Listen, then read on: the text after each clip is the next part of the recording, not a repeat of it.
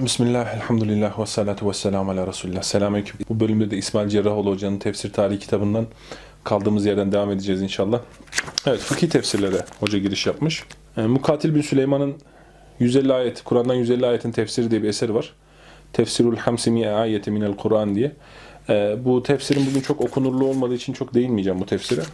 İmam Şafii'nin Ahkamül Kur'an'dan bahsetmiş. İmam Şafii normalde böyle bir eser yazmamıştı. Bu eser daha sonra Beyhaki tarafından onun ayetlere verdiği tefsirlerin derlenmesiyle oluşturulmuş bir eserdir. Zahidül Kevser'in ön sözüyle basılmıştır. Ee, Bugün tek cilt halinde bir baskısı var. Hani kolay hızlı okunacak bir eser. En azından İmam Şafii'nin söyle görüşlerinin ayetlerin altına toplanması bence iyi bir hizmet. Evet Cessas'ın tefsirinden bahsetmiş. E, demiş ki o sadece istifade etmekle kalmamış Cessas'ın tefsirinden bahsederken tefsirine mukaddime olarak bir de usulü fıkıh yazmıştır. Biliyorsunuz usulü fıkıh kitapları ikiye ayrılabilir. Ana şeyde öyle ayrılır prensipte. Birisi mütekellimin usulü dediğimiz kelamcıların usulü. Bir de fukahanın usulü denen Hanefi usuldü. Mütekellimin usulünde genelde e, Şafi, Maliki ve Hanbeli yazarlar yazmıştır. Fukaha usul dediğimiz kitaplarda genelde Hanefi usul kitapları işte Pezdevi'nin, Fahrülislam Pezdevi'nin, Cessas'ın kitabı, onun dışında Serahsi'nin usul kitabı bunların içinde zikredilir. Bu ikisini birleştiren işte Sadrü Şeria gibi ve benzeri kitaplar vardır. Ee, Bir de tüm bunların dışında bence yeni oluşmaya başlayan bir ekol gibi işte Şah Veliullah Dihlevi'den başlayarak gelen işte Tahir İbni Aşur'un katkı yaptığı e, ayrı bir yeni modern fıkıh usulü de dahil edilebilir. Bu fukaha usul kitaplarının önemlilerinden biridir Cessas'ın usul kitabı. Hanefi fıkhını anlamak için e, çok güzel bir kitaptır yani bu. Hem usulünü anlarsın, peşi sıra Cessas'ın ahkam tefsirini okursun ve o ahkam tefsirinde sık sık Hanefi usulüne değindiği yapar şey. Cessas bu açıdan değerli bir kitaptır. E, Cessas'ın ahkam kitabı. E, ahkam tefsirleri. Yalnız genelde e, bu ahkam tefsirlerin hepsi için önden söylemiş olayım. E, Kur'an'a hani başlangıç için vesaire tabii ki okunacak tefsirler değildir. Bunlar yani daha bir konuya spesifikleşmiş tefsirlerdir. E, ama e, kim olursa olsun bu tarz ahkam tefsirlerinden müstahni olmaz. Gerek Cessas'ın Ahkamül Kur'an'ı, Ebu Bekir İbni Arabi'nin Ahkamül Kur'an'ı, Kı- Kıya Herrasi'nin Ahkamül Kur'an'ı bunlar bir insana hani belli bir konuda çok fazla derinleşildiği için e, o ayetlerle alakalı ufkunu çok açar. O yüzden kimse ahkam tefsirlerinden müstahni kalamaz. Zaten diğer tefsirler de genelde ahkam konusuna değinmişlerdir. Yani bir ahkam ayeti geldiğinde mesela misal olarak Maide suresi 6. ayete geldiğinde herkes ahkam tefsiri yapmıştır. E, çok istisnai tefsirler hariç. O açıdan tefsir okuyan zaten fıkıh da kendisini geliştirir. Tefsir öyle geniş bir deryadır ki sık tefsir okuyan birisi kendisini usul konularında çok geliştirir. Fıkıhta çok geliştirir. Lugatta, Arap dilinde çok geliştirir. E, hadis konusunda çok geliştirir herkese. E, o yüzden tefsir çok ana bir branştır. Yani çok göbek bir branştır. Sık tefsir okuyan birisi genelde fark etmediği derece malumatla dolu olur. Genelde Hanefi mezhebi konusunda tutucudur Cessas ve muhaliflerini eleştirmesinde dili serttir. Bu yüzden kendisi de çok sert bir şekilde tenkit edilmiştir. Diğer mezhep imamlarına vesaire sert sözleri olmuştur. E, Mutezile'ye nispet edilmiştir Cessas'ta. Fakat hani bu nispet esasen iki konudan dolayı. Birisi sihrin hakikati olmadığı görüşünden dolayı. Diğeri de ahirette Allah'ın e, görülmesinin mümkün olmayacağı ruhiyetullah denilen meseleyi kabul etmemesinden dolayı Mutezile'ye nispet edilmiştir. Hatta Mutezile tabakat kitaplarında da geçmiştir ama hani hoca çok katılmamış bu yargıya. Evet Ebu Bekir İbn Arabi'nin Ahkamül Kur'an'ı. Şimdi Ebu Bekir İbn Arabi'nin e, serüveninden bahsetmiş hoca. İlim öğrenme serüveninden. Biliyorsunuz Endülüslü bir alimdir. E, yani bugünkü İspanya civarlarında yaşamış bir alimdir. İlim tahsili meselesi açısından e, hoş bir örnek olduğu için ilk öğrenimini babasıyla yapmış. Dayısının kıraat derslerine dahil olmuş. 9 yaşında Kur'an'ı hıfzetmiş. 16 yaşında Kıraat-ı Aşeriye'yi tamamlamış. Ve Sibevek'in meşhur kitabını okumuş. Daha sonra babasıyla birlikte hac yapmak için yola çıkıyorlar ve tehlikeli bir deniz yolculuğuyla Mısır'a geliyorlar. Fatimilerin hakim olduğu dö- dönemde kenarda da köşede kalmış alimlerden ders alıyor. Fatimiler biliyorsunuz Şia'nın çok uç e, İsmailiye Şiası dediğimiz bir kolunun kurmuş olduğu devlettir. Mısır'da hakim olmuşlardı. Ve o dönem ehli sünnet imamlar çok e, eziyete maruz kaldıkları için e, kenarda köşede kalmış alimlerden ders almıştır diyor şey. Ebu Bekir İbn Arabi. Bu Muhyiddin İbn Arabi ile karıştırmayın. Farklı bir alimdir. Şia ve Kaderiye ile münakaşalar yapmış.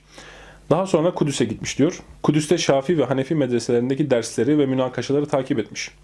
O dönem tabi alimler oturuyorlar, bir meseleyi ortaya atıyorlar, birlikte münakaşa ediyorlar. Tabi bizim bugün televizyonda yaptığımız gibi pespaye bir üslupla yapılmıyor bu. Çoğu alimlerden bu şekilde münazara naklederken öyle bir usul var ki yani bir adam seni delille mat ettiği zaman sen etrafındaki işte cahilleri kandırmak için kıvırmıyorsun. Doğru söylüyorsun diyorum, beni yendin tamam. Hani genelde nakledilenler böyledir. Mesela İmam-ı Azam münazaraları vesaire nakledilir. Hani İmam-ı Azam bir delil söylüyor. Karşıdaki o delili anlıyor. Bir, televizyondaki insanların birbirini anladığı konusunda ben e, şüphelerim var. İki, karşıdaki onu anlıyor ve kendi görüşünün yanlış olduğunu fark ettiği zaman ben mağlup oldum diye kabul ediyor. E, hani cahilleri manipüle etmek için hayır işte şöyle böyle sen şöyle adamsına dönüşmüyor mesele. Bu tarz e, münakaşaları takip etmiş, fikir adamlarını ve mezhep taraftarlarının toplantılarını ve münazaralarını kaçırmamıştır. Bir gün Şafii medresesinde takip ettiği münazarada harem bir katili kısastan kurtarır mı meselesi açılmış. Bu onun takip ettiği ilk münazaraymış. Yani harem bir zalimi kısastan kurtarır mı? Şahıs birisini öldürdü ve hani ona kısas uygulanacağı için hareme kaçtı. Yani Mekke'ye kaçtı. Yani Medine'ye kaçtı. Haremde bunun kısası uygulanır mı? E, harem çünkü güvenli bölge olduğu için burada iki delil çatışmış oluyor. Kısastan kurtarır mı idi tartışmanın konusu. Ebubekir İbn Arabi bu, bu münakaşalardan hiçbir şey anlamadığını itiraf eder. Ve kendisinde bulunan ilim hırsı tazelenir. Tahsil ve talim için azim ve gayretinin bir kat daha arttığını söyler. Hacca gitmek üzere olan babasına şöyle der. Sen hacca gitmeye niyetliysen niyetini gerçekleştir. Ben buradakilerin ilmini öğrenmeden hiçbir yere ayrılmayacağım. Bunu ilim için bir düstur, yükselmek için bir merdiven olarak kabul ettim.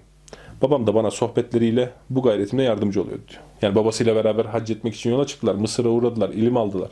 Kudüs'e gittiler. Orada Ebu Bekir bin Arabi ilminin azlığını fark etti. Ben hacca hemen gitmeyeceğim. Buradaki ilmi alacağım, öyle geleceğim. Daha sonra Şam'a gitti diyor. Şam'daki ilmi, Şam'dan ilim almış. Daha sonra Bağdat'a gitmiş. Bağdat bugünkü Irak. Yani bugün sadece Bağdat şehri dediğimiz şehir değildir. Irak'ın tamamının adı Bağdat'tır o dönemde.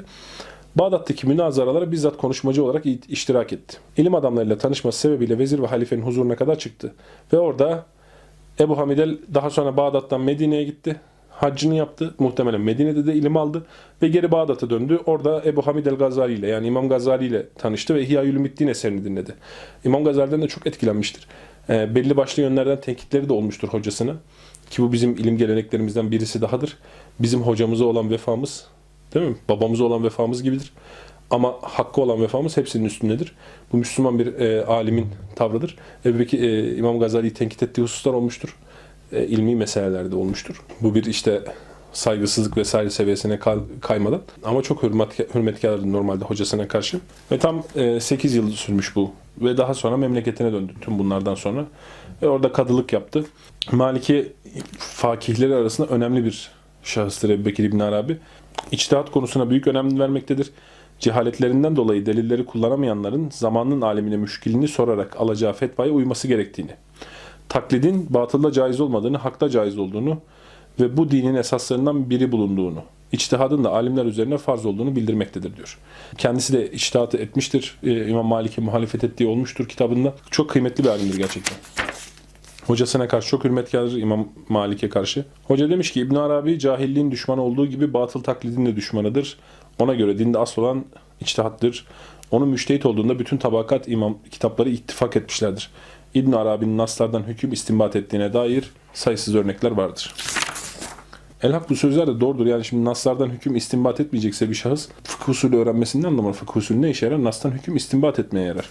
O halde fıkıh usulü öğrenmiş bir şahsın belli düzeyde ayeti ve hadisin detayını biliyorsa e, hüküm istinbat edebilmesi gerekir. Aksi halde fıkıh usulü tamamen anlamsız bir ilim olur. Evet söylediğimiz gibi gene Cesas'ın tefsirinde söylediğimiz gibi ahkam tefsirleri detay konuları içerdikleri için bu konu e, tefsir ilmiyle iştigal eden, derinleşmek isteyen kimselerin kendisinden müstahni olamayacakları eserlerdir. Bu bölümün sonuna geldik.